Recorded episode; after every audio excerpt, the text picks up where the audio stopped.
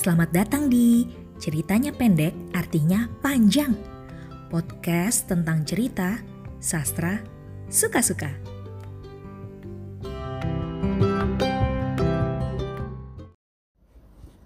Hai, kembali lagi di podcast Ceritanya Pendek Artinya Panjang. Hmm, uh, saya senang sekali beberapa uh, pendengar podcast ini merespon positif ya uh, terhadap apa yang sudah saya bacakan um, dan yang paling menyenangkan ketika mendengar uh, respon dari orang yang tidak pernah saya kenal sebelumnya. Nah, uh, kali ini saya akan membahagiakan dia, c. Saya akan membacakan sebuah cerita pilihan dia. Waktu itu dia bilang dia ingin mendengarkan cerpen dari karya Agus Nur. Nah, saya sudah memilih satu cerpen karya Agus Nur dari cerpen pilihan Kompas 2013 Klub Solidaritas Suami Hilang. Jadi di dalamnya ada karya Agus Nur yang berjudul di sini.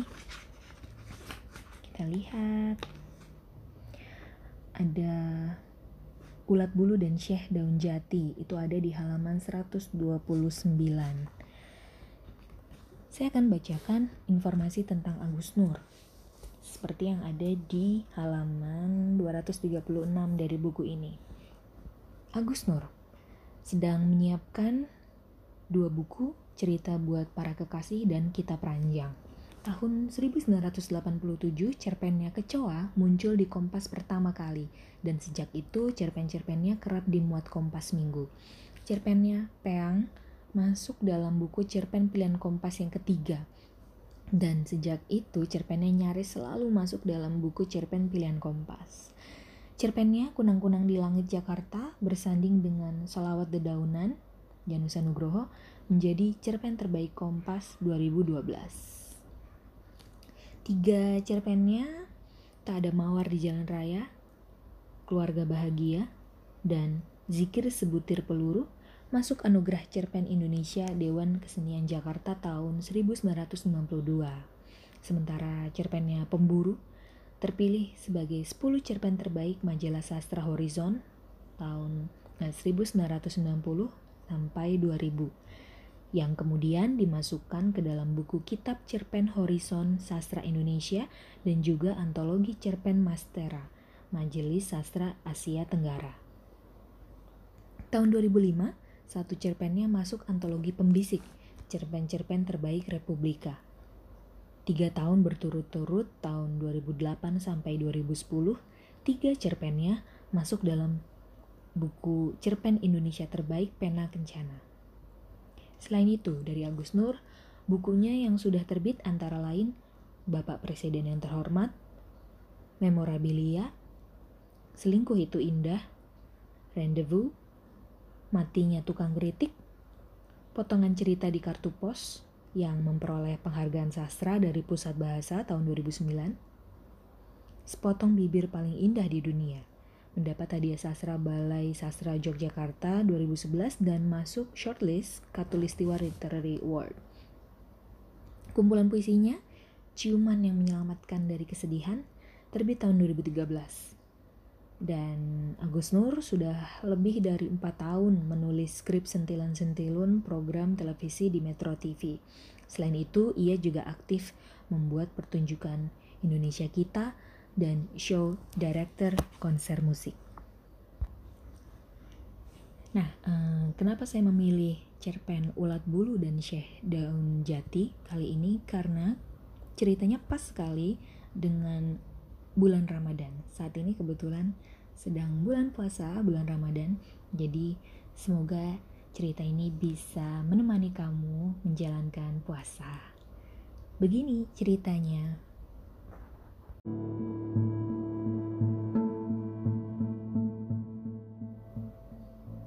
Ulat Bulu dan Syekh Daun Jati Karya Agus Nur Ada kisah yang selalu diingat dengan gemetar oleh orang-orang kampung Jatilawang setiap menjelang Ramadan. Bukan kisah tentang nabi-nabi, tapi wabah ulat bulu. malapetaka bertahun lalu yang terjadi setelah pembantaian orang-orang yang dituduh komunis di kampung itu. Mereka mati dengan cara paling mengerikan. Ditangkap dan diseret ke pinggiran hutan jati, sebagian ditembak, digorok, atau dihajar kepalanya hingga remuk dengan batang kayu jati. Tak ada anak yang tak menjadi yatim setelah pembantaian itu kekejian memang tak pernah bisa dilupakan. Angin kering merayap pelan dari arah hutan jati yang mengelilingi kampung, mengembuskan bau ganjil yang sebelumnya tak terkenali. Seperti bau kayu yang membusuk dalam tanah, tetapi bercampur amis darah yang memualkan perut dan membuat gatal hidung. Orang-orang mengingatnya sebagai musim yang ganjil. Mestinya sudah penghujan, tetapi kekeringan justru mulai merontokkan daun jati. Dan sekitar seminggu sebelum bulan puasa di tahun 1965, setelah pembantaian itu, penduduk yang masih dicekam kecemasan semakin dirayapi kengerian ketika ribuan ulat bulu menyerbu kampung.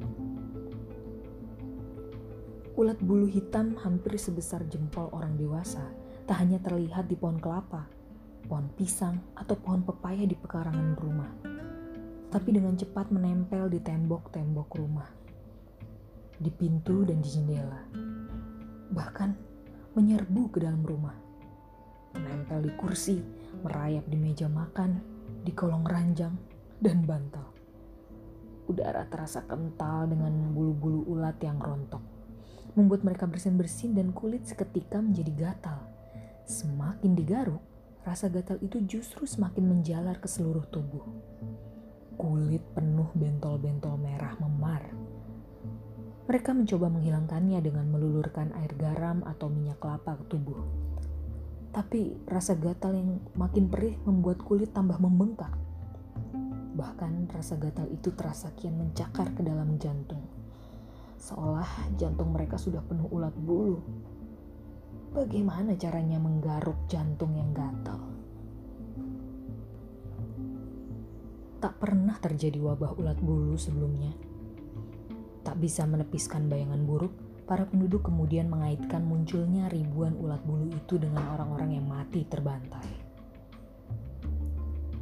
Apalagi ketika Dalmiji, orang dekat tentara yang menjadi algojo pembantaian di kampung itu, ditemukan mati mengenaskan. Kulitnya penuh bintik hitam, bengkak, dan mata terbelalak. Dari kelopak matanya keluar puluhan ulat bulu hitam. Beberapa orang kemudian ditemukan mati dengan kondisi yang sama. Setelah sebelumnya meraung-raung kesakitan berguling-guling di tanah sembari terus menggaruki seluruh badan seakan ada ulat bulu merayap di bawah kulitnya. Wah, ulat bulu ini kutukan, kata orang-orang. Ini seperti Pak Gebluk. Orang yang diserang rasa gatal pada pagi hari, mati malam hari. Semua pepohonan dengan cepat meranggas.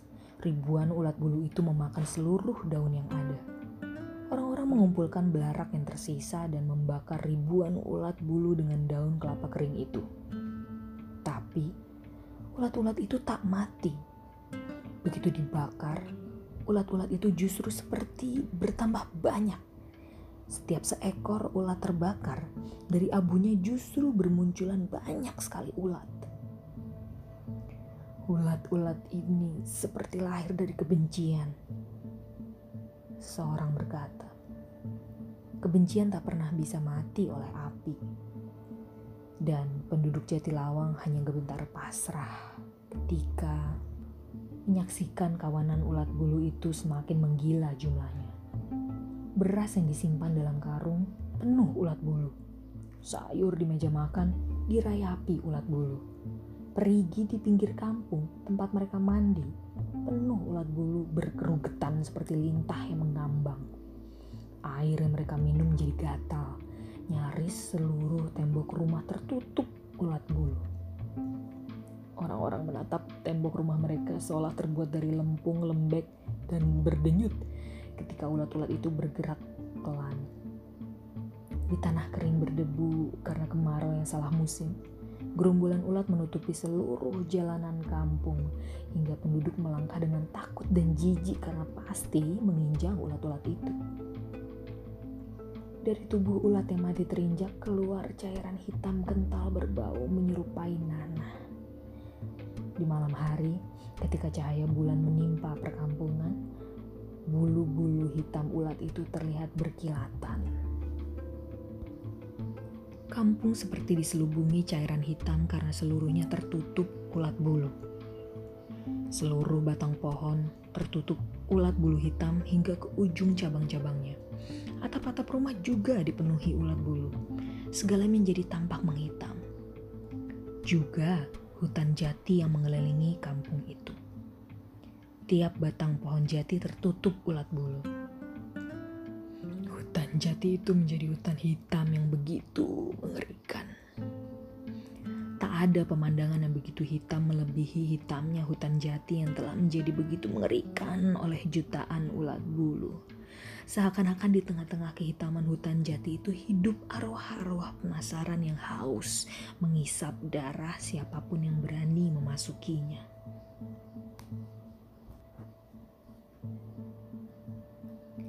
Ketika ketakutan sudah menjadi lebih mengerikan dari datangnya maut, beberapa penduduk Jatilawang yang sedang memasrahkan nasibnya dengan berdoa di makam keramat yang terletak di perbukitan batas dengan hutan jati, melihat ada bayangan seseorang berjalan.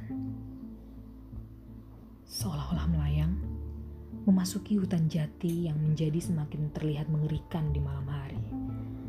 Hanya orang yang mau bunuh diri yang berani memasuki hutan jati hitam.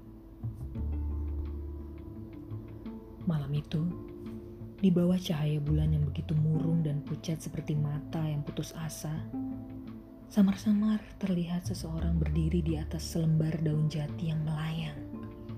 Seolah selembar daun jati itu karpet terbang. Dengan gerakan ringan, orang itu menebahkan selempang sorbannya ke arah pepohonan jati dan seketika gerombolan ulat bulu hitam langsung lenyap. Sosok yang berdiri di atas lembar daun jati itu terus melayang dan melesat menggerakkan tangannya, seperti menghantam dan menampar kekosongan udara, dan kadang seperti menangkis sebuah serangan kasat mata yang menghantam ke arahnya. Selempang sorban orang itu terus menyambar, menghantam ribuan ulat bulu hitam yang melesat menyerang dan mengepungnya.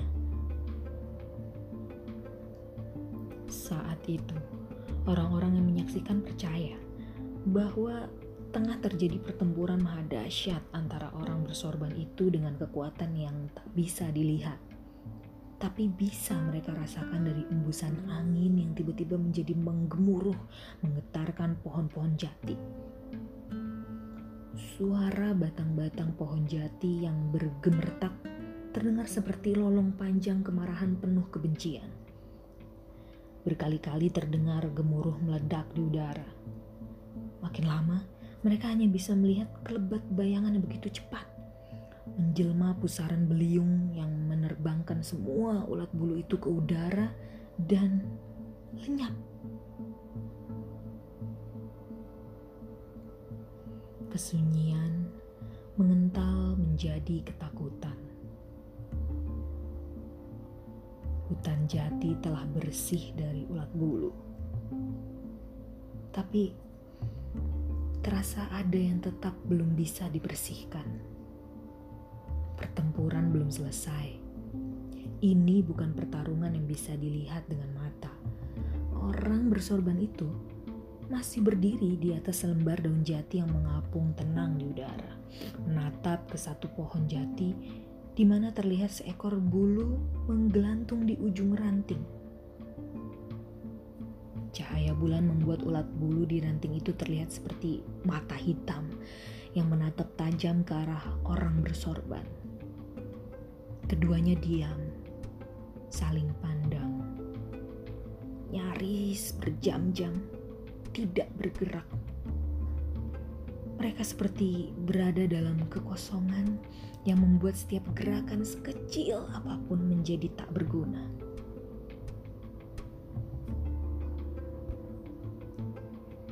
Sayup-sayup, orang-orang hanya mendengar percakapan antara keduanya.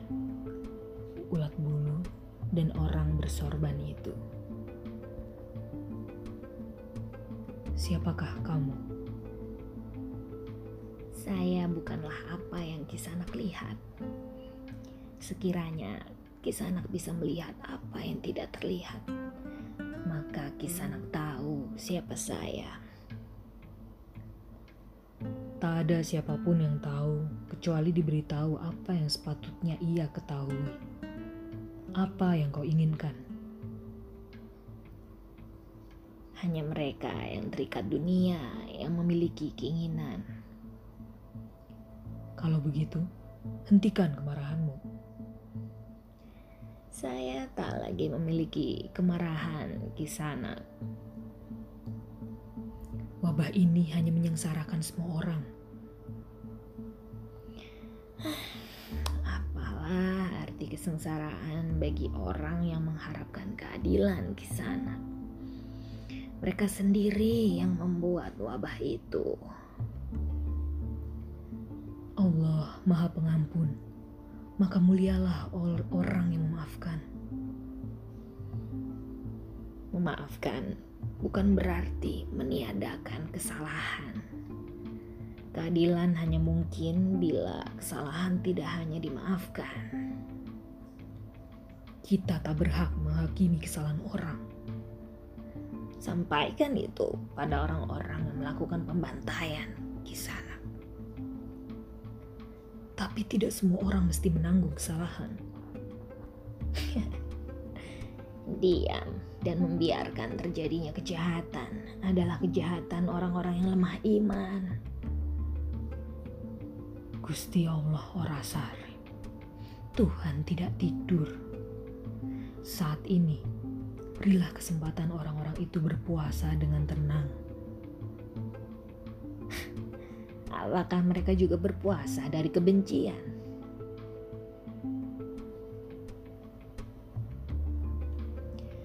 Lalu, keheningan yang panjang dan bagai tiada akan pernah berakhir menaungi hutan jati itu.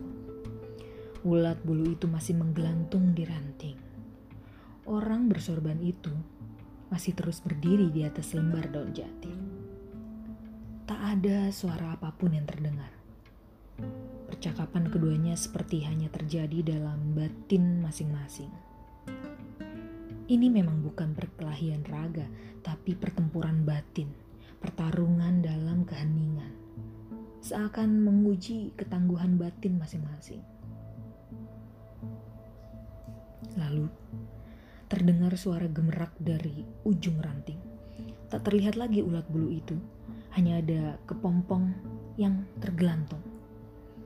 Kemudian, perlahan kepompong itu merekah dan keluar seekor kupu-kupu yang langsung terbang di bawah temaram cahaya bulan yang bagai tergetar oleh kepakan sayap kupu-kupu itu.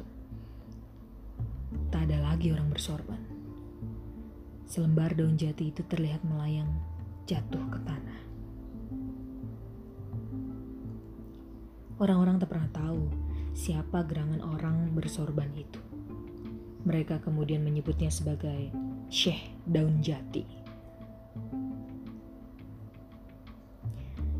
Ayah menceritakan kembali kisah itu pada saya dengan suara serak dan patah-patah. Ia terbaring sakit di usianya yang melewati 87 tahun. Ia menceritakan kisah itu seolah ada ketakutan yang terus disembunyikan.